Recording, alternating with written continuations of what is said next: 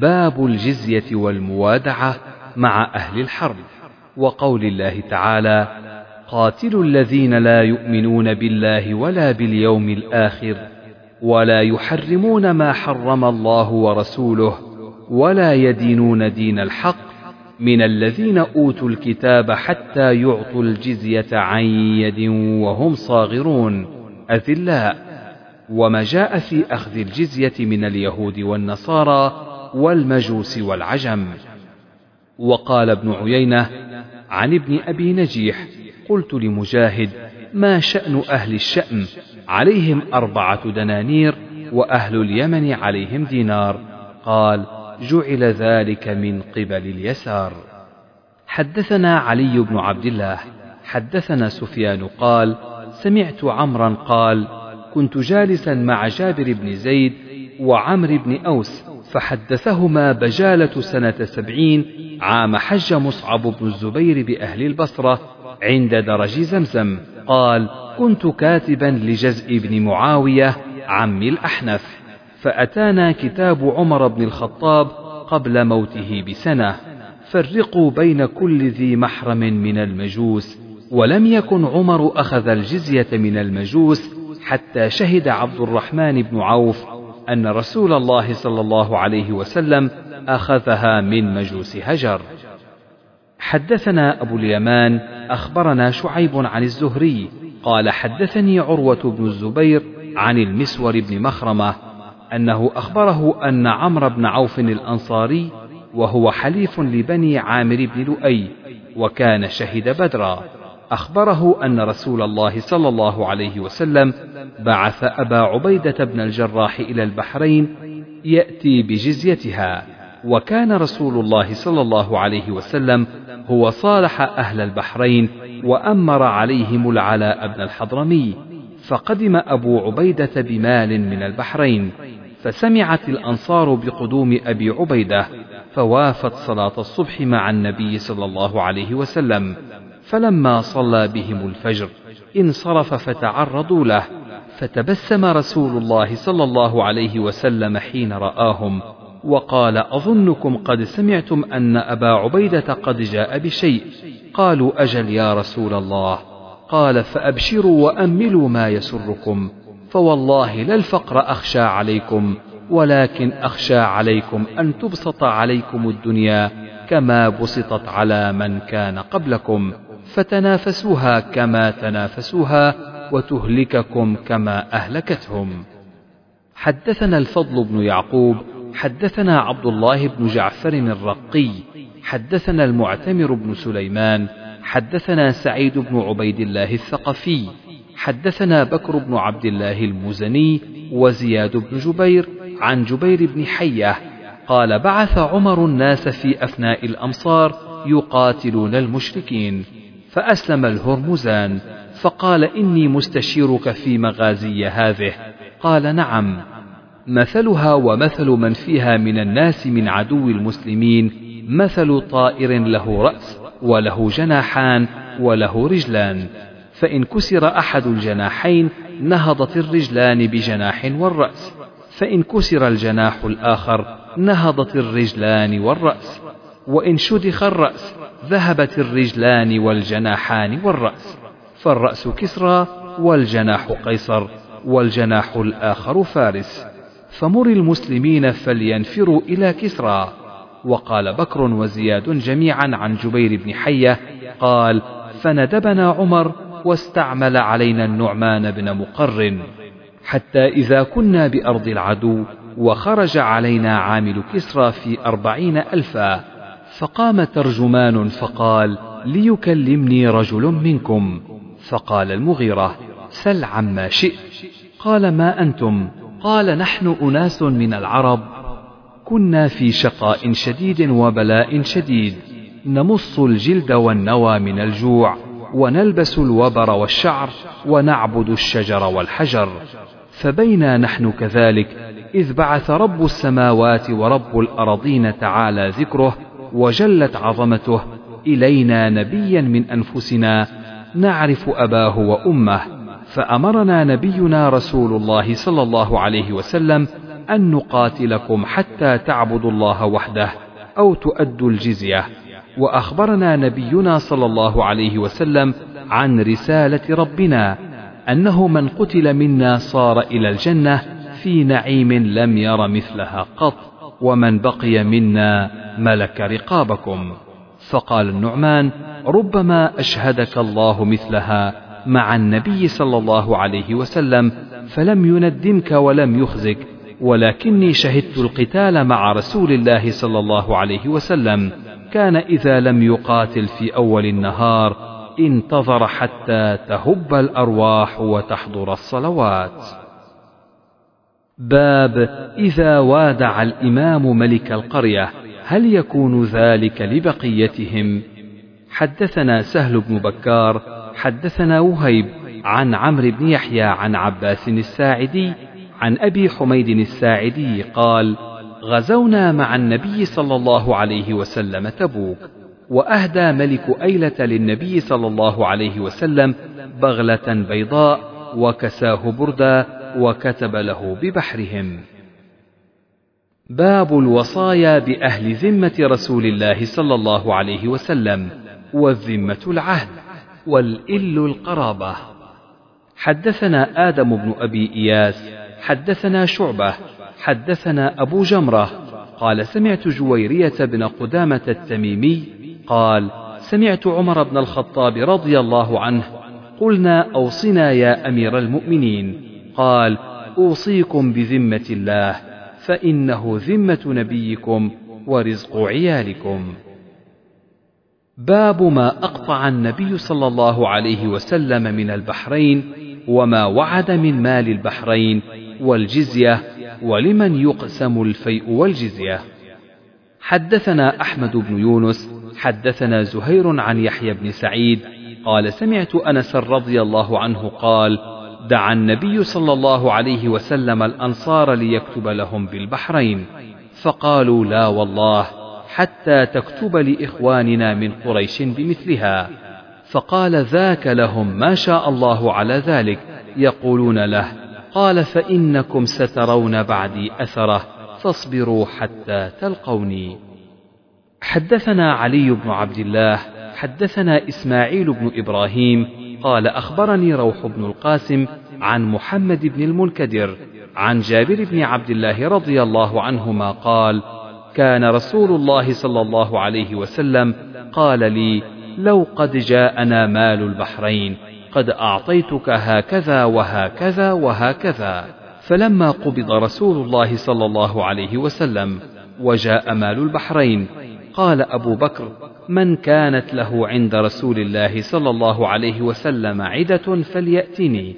فأتيته فقلت إن رسول الله صلى الله عليه وسلم قد كان قال لي لو قد جاءنا مال البحرين لأعطيتك هكذا وهكذا وهكذا.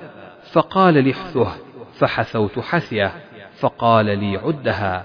فعددتها فإذا هي خمسمائة فأعطاني ألفا وخمسمائة. وقال إبراهيم بن طهمان عن عبد العزيز بن صهيب عن أنس أتي النبي صلى الله عليه وسلم بمال من البحرين فقال انثروه في المسجد. فكان أكثر مال أتي به رسول الله صلى الله عليه وسلم إذ جاءه العباس. فقال يا رسول الله أعطني إني فاديت نفسي وفاديت عقيلا. قال خذ فحثى في ثوبه ثم ذهب يقله فلم يستطع. فقال أمر بعضهم يرفعه إلي. قال لا. قال فارفعه أنت علي. قال لا. فنثر منه ثم ذهب يقله فلم يرفعه. فقال مر بعضهم يرفعه علي. قال لا. قال فارفعه أنت علي. قال لا. فنثر ثم احتمله على كاهله ثم انطلق. فما زال يتبعه بصره حتى خفي علينا عجبا من حرصه. فما قام رسول الله صلى الله عليه وسلم وثم منها درهم. باب إثم من قتل معاهدا بغير جرم.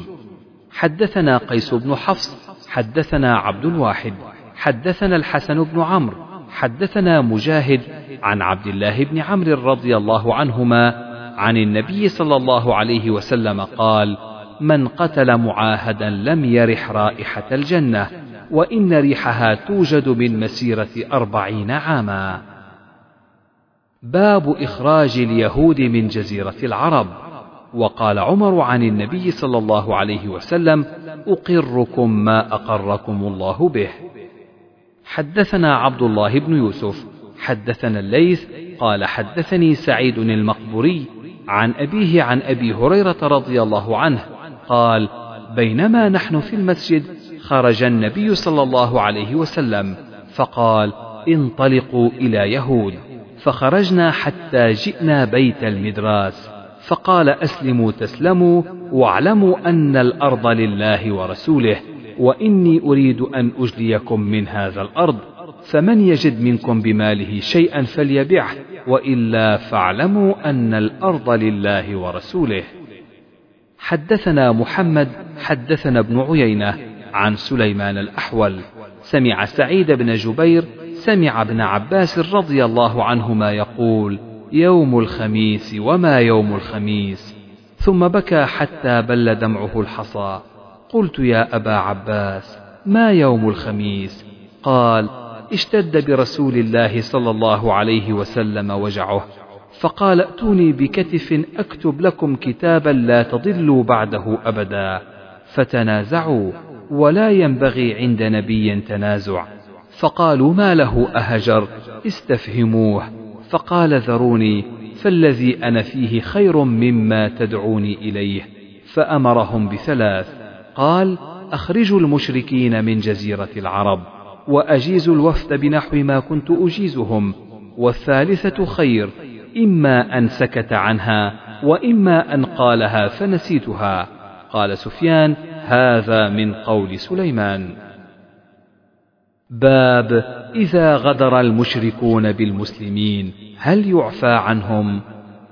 حدثنا عبد الله بن يوسف حدثنا الليث قال حدثني سعيد عن أبي هريرة رضي الله عنه قال لما فتحت خيبر أهديت للنبي صلى الله عليه وسلم شاة فيها سم فقال النبي صلى الله عليه وسلم اجمعوا إلي من كان ها هنا من يهود فجمعوا له فقال إني سائلكم عن شيء فهل أنتم صادقي عنه؟ فقالوا نعم قال لهم النبي صلى الله عليه وسلم من أبوكم؟ قالوا فلان فقال كذبتم بل أبوكم فلان قالوا صدقت. قال فهل أنتم صادقي عن شيء إن سألت عنه؟ فقالوا نعم يا أبا القاسم وإن كذبنا عرفت كذبنا كما عرفته في أبينا. فقال لهم من أهل النار؟ قالوا نكون فيها يسيرا ثم تخلفون فيها. فقال النبي صلى الله عليه وسلم اخسأوا فيها والله لا نخلفكم فيها أبدا. ثم قال هل أنتم صادقي عن شيء إن سألتكم عنه؟ فقالوا نعم يا أبا القاسم. قال هل جعلتم في هذه الشاة سما؟ قالوا نعم. قال ما حملكم على ذلك؟ قالوا أردنا إن كنت كاذبا نستريح وإن كنت نبيا لم يضرك. باب دعاء الإمام على من نكث عهدا. حدثنا أبو النعمان حدثنا ثابت بن يزيد حدثنا عاصم قال سألت أنس رضي الله عنه عن القنوت قال قبل الركوع فقلت إن فلانا يزعم أنك قلت بعد الركوع فقال كذب ثم حدثنا عن النبي صلى الله عليه وسلم أنه قنت شهرا بعد الركوع يدعو على أحياء من بني سليم قال بعث أربعين أو سبعين يشك فيه من القراء إلى أناس من المشركين فعرض لهم هؤلاء فقتلوهم وكان بينهم وبين النبي صلى الله عليه وسلم عهد فما رأيته وجد على أحد ما وجد عليهم. باب أمان النساء وجوارهن. حدثنا عبد الله بن يوسف أخبرنا مالك عن أبي النضر مولى عمر بن عبيد الله أن أبا مرة مولى أم هانئ ابنة أبي طالب أخبره أنه سمع أم هانئ بنت أبي طالب تقول: ذهبت إلى رسول الله صلى الله عليه وسلم عام الفتح، فوجدته يغتسل وفاطمة ابنته تستره فسلمت عليه فقال من هذه؟ فقلت أنا أم هانئ بنت أبي طالب. فقال مرحبا بأم هانئ. فلما فرغ من غسله قام فصلى ثمان ركعات ملتحفا في ثوب واحد. فقلت يا رسول الله زعم ابن أمي علي أنه قاتل رجلا قد أجرته فلان بن هبيرة. فقال رسول الله صلى الله عليه وسلم قد أجرنا من أجرت يا أم هانئ. قالت أم هانئ وذلك ضحى. باب ذمة المسلمين وجوارهم واحدة. يسعى بها أدناهم. حدثني محمد أخبرنا وكيع عن الأعمش عن إبراهيم التيمي عن أبيه قال خطبنا علي فقال ما عندنا كتاب نقرأه إلا كتاب الله وما في هذه الصحيفة. فقال فيها الجراحات وأسنان الإبل والمدينة حرم ما بين عير إلى كذا. فمن أحدث فيها حدثا أو آوى فيها محدثا فعليه لعنة الله والملائكة والناس أجمعين. لا يقبل منه صرف ولا عدل. ومن تولى غير مواليه فعليه مثل ذلك وذمة المسلمين واحدة. فمن أخفر مسلما فعليه مثل ذلك. باب إذا قالوا صبأنا ولم يحسنوا أسلمنا. وقال ابن عمر فجعل خالد يقتل فقال النبي صلى الله عليه وسلم أبرأ إليك مما صنع خالد. وقال عمر إذا قال مترس فقد آمنه إن الله يعلم الألسنة كلها. وقال تكلم لا بأس. باب الموادعة والمصالحة مع المشركين بالمال وغيره وإثم من لم يف بالعهد. وقوله وإن جنحوا للسلم فاجنح لها. الآية. حدثنا مسدد حدثنا بشر هو ابن المفضل. حدثنا يحيى عن بشير بن يسار عن سهل بن أبي حثمة. قال انطلق عبد الله بن سهل ومحيصة بن مسعود بن زيد إلى خيبر وهي يومئذ صلح. فتفرقا فأتى محيصة إلى عبد الله بن سهل وهو يتشحط في دم قتيلا. فدفنه ثم قدم المدينة فانطلق عبد الرحمن بن سهل ومحيصة وحويصة بن مسعود إلى النبي صلى الله عليه وسلم. فذهب عبد الرحمن يتكلم فقال كبر كبر. وهو أحدث القوم فسكت فتكلما فقال أتحلفون وتستحقون قاتلكم أو صاحبكم قالوا وكيف نحلف ولم نشهد ولم نرى؟ قال فتبريكم يهود بخمسين. فقالوا كيف نأخذ أيمان قوم كفار؟ فعقله النبي صلى الله عليه وسلم من عنده. باب فضل الوفاء بالعهد. حدثنا يحيى بن بكير حدثنا الليث عن يونس عن ابن شهاب عن عبيد الله بن عبد الله بن عتبة. أخبره أن عبد الله بن عباس أخبره أن أبا سفيان بن حرب أخبره أن هرقل أرسل إليه في ركب من قريش كانوا تجارا بالشأم في المدة التي ماد فيها رسول الله صلى الله عليه وسلم أبا سفيان في كفار قريش.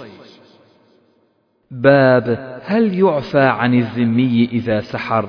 وقال ابن وهب أخبرني يونس عن ابن شهاب سئل أعلى من سحر من أهل العهد قتل؟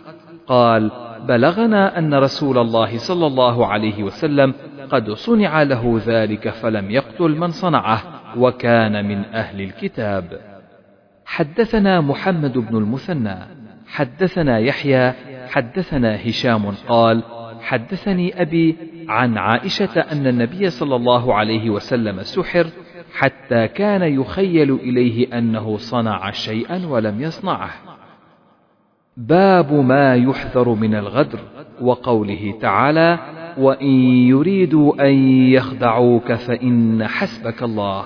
الآية حدثنا الحميدي حدثنا الوليد بن مسلم حدثنا عبد الله بن العلاء بن زبر قال سمعت بسر بن عبيد الله أنه سمع أبا إدريس قال سمعت عوف بن مالك قال أتيت النبي صلى الله عليه وسلم في غزوة تبوك وهو في قبة من أدم فقال أعدد ستا بين يدي الساعة موتي ثم فتح بيت المقدس ثم موتان يأخذ فيكم كقعاص الغنم ثم استفاضة المال حتى يعطى الرجل مئة دينار فيظل ساخطا ثم فتنة لا يبقى بيت من العرب إلا دخلته ثم هدنة تكون بينكم وبين بني الأصفر.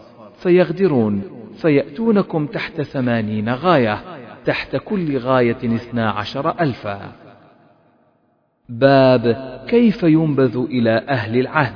وقوله وإما تخافن من قوم خيانة فانبذ إليهم على سواء. الآية حدثنا أبو اليمان أخبرنا شعيب عن الزهري أخبرنا حميد بن عبد الرحمن أن أبا هريرة قال بعثني أبو بكر رضي الله عنه في من يؤذن يوم النحر بمنى لا يحج بعد العام مشرك ولا يطوف بالبيت عريان ويوم الحج الأكبر يوم النحر وإنما قيل الأكبر من أجل قول الناس الحج الأصغر. فنبذ أبو بكر إلى الناس في ذلك العام فلم يحج عام حجة الوداع الذي حج فيه النبي صلى الله عليه وسلم مشرك. باب إثم من عاهد ثم غدر وقوله الذين عاهدت منهم ثم ينقضون عهدهم في كل مرة وهم لا يتقون. حدثنا قتيبة بن سعيد حدثنا جرير عن الأعمش عن عبد الله بن مرة عن مسروق عن عبد الله بن عمرو رضي الله عنهما قال قال رسول الله صلى الله عليه وسلم أربع خلال من كن فيه كان منافقا خالصا من إذا حدث كذب وإذا وعد أخلف وإذا عاهد غدر وإذا خاصم فجر ومن كانت فيه خصلة منهن كانت فيه خصلة من النفاق حتى يدعها. حدثنا محمد بن كثير أخبرنا سفيان عن الأعمش عن إبراهيم التيمي عن أبيه عن علي رضي الله عنه قال ما كتبنا عن النبي صلى الله عليه وسلم إلا القرآن وما في هذه الصحيفة. قال النبي صلى الله عليه وسلم المدينة حرام ما بين عائر إلى كذا. فمن أحدث حدثا أو آوى محدثا فعليه لعنة الله والملائكة والناس أجمعين. لا يقبل منه عدل ولا صرف وذمة المسلمين واحدة يسعى بها أدناهم. فمن أخفر مسلما فعليه لعنة الله والملائكة والناس أجمعين. لا يقبل منه صرف ولا عدل. ومن والى قوما بغير إذن مواليه فعليه لعنة الله والملائكة والناس أجمعين. لا يقبل منه صرف ولا عدل. قال أبو موسى حدثنا هاشم بن القاسم حدثنا إسحاق بن سعيد عن أبيه عن أبي هريرة رضي الله عنه قال كيف أنتم إذا لم تجتبوا دينارا ولا درهما؟ فقيل له وكيف ترى ذلك كائنا يا أبا هريرة؟ قال إي والذي نفس أبي هريرة بيده عن قول الصادق المصدوق قالوا عم ذاك قال تنتهك ذمة الله وذمة رسوله صلى الله عليه وسلم فيشد الله عز وجل قلوب أهل الذمة فيمنعون ما في أيديهم. باب حدثنا عبدان أخبرنا أبو حمزة قال سمعت الأعمش قال سألت أبا وائل شهدت صفين؟ قال نعم.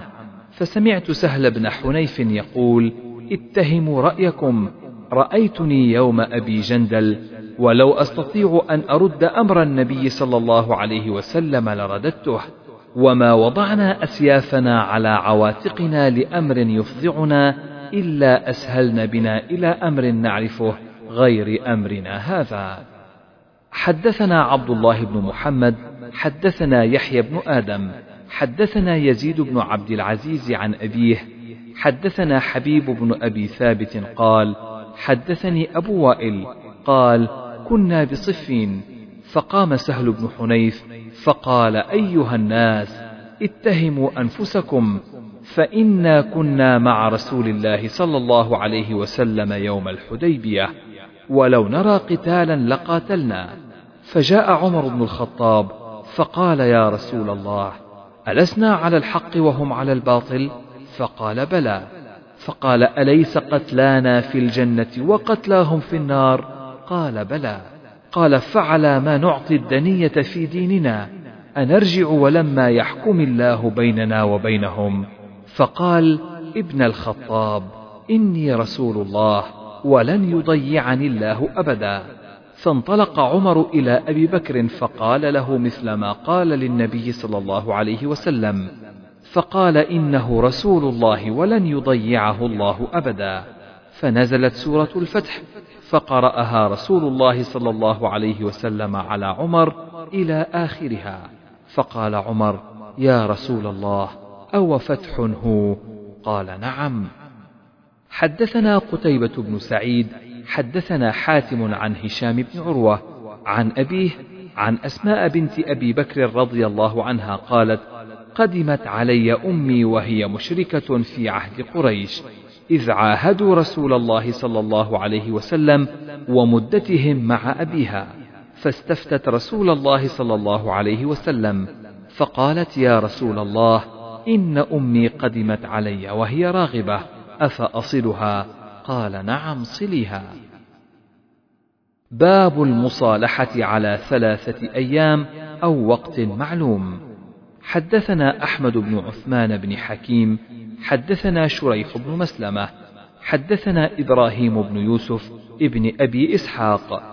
قال حدثني أبي عن أبي إسحاق قال حدثني البراء رضي الله عنه أن النبي صلى الله عليه وسلم لما أراد أن يعتمر أرسل إلى أهل مكة يستأذنهم ليدخل مكة فاشترطوا عليه ألا يقيم بها إلا ثلاث ليال ولا يدخلها إلا بجلبان السلاح ولا يدعو منهم أحدا. قال فأخذ يكتب الشرط بينهم علي بن أبي طالب فكتب هذا ما قاضى عليه محمد رسول الله. فقالوا لو علمنا أنك رسول الله لم نمنعك ولا بايعناك ولكن اكتب هذا ما قاضى عليه محمد بن عبد الله. فقال أنا والله محمد بن عبد الله وأنا والله رسول الله. قال وكان لا يكتب. قال فقال لعلي أمح رسول الله. فقال علي والله لا أمحاه أبدا.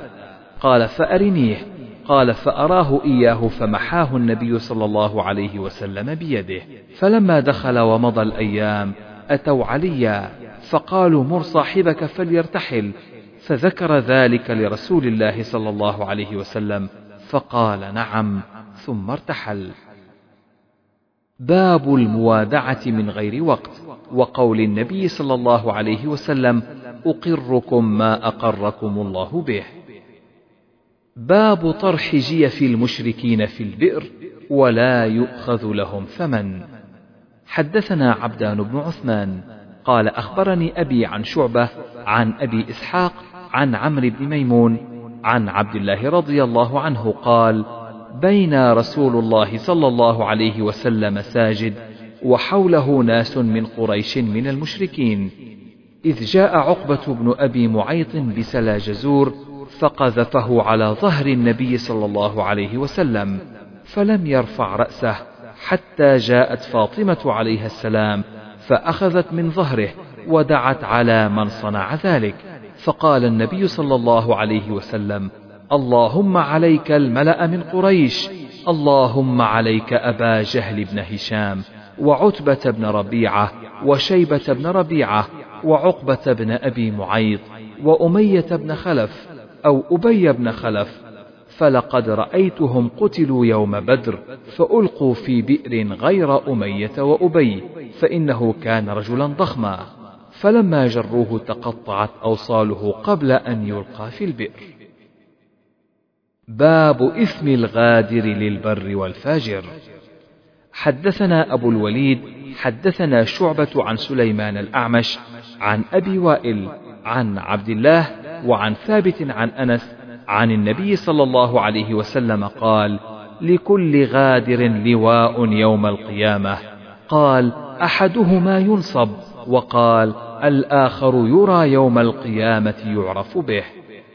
حدثنا سليمان بن حرب حدثنا حماد عن أيوب عن نافع عن ابن عمر رضي الله عنهما قال سمعت النبي صلى الله عليه وسلم يقول لكل غادر لواء ينصب لغدرته. حدثنا علي بن عبد الله حدثنا جرير عن منصور عن مجاهد عن طاووس عن ابن عباس رضي الله عنهما قال قال رسول الله صلى الله عليه وسلم يوم فتح مكة لا هجرة ولكن جهاد ونية وإذا استنفرتم فانفروا. وقال يوم فتح مكة إن هذا البلد حرمه الله يوم خلق السماوات والأرض فهو حرام بحرمة الله إلى يوم القيامة وإنه لم يحل القتال فيه لأحد قبلي ولم يحل لي إلا ساعة من نهار فهو حرام بحرمة الله إلى يوم القيامة لا يعضد شوكه ولا ينفر صيده ولا يلتقط لقطته إلا من عرفها ولا يختلى خلاه فقال العباس يا رسول الله إلا الإذخر فإنه لقينهم ولبيوتهم. قال إلا الإذخر.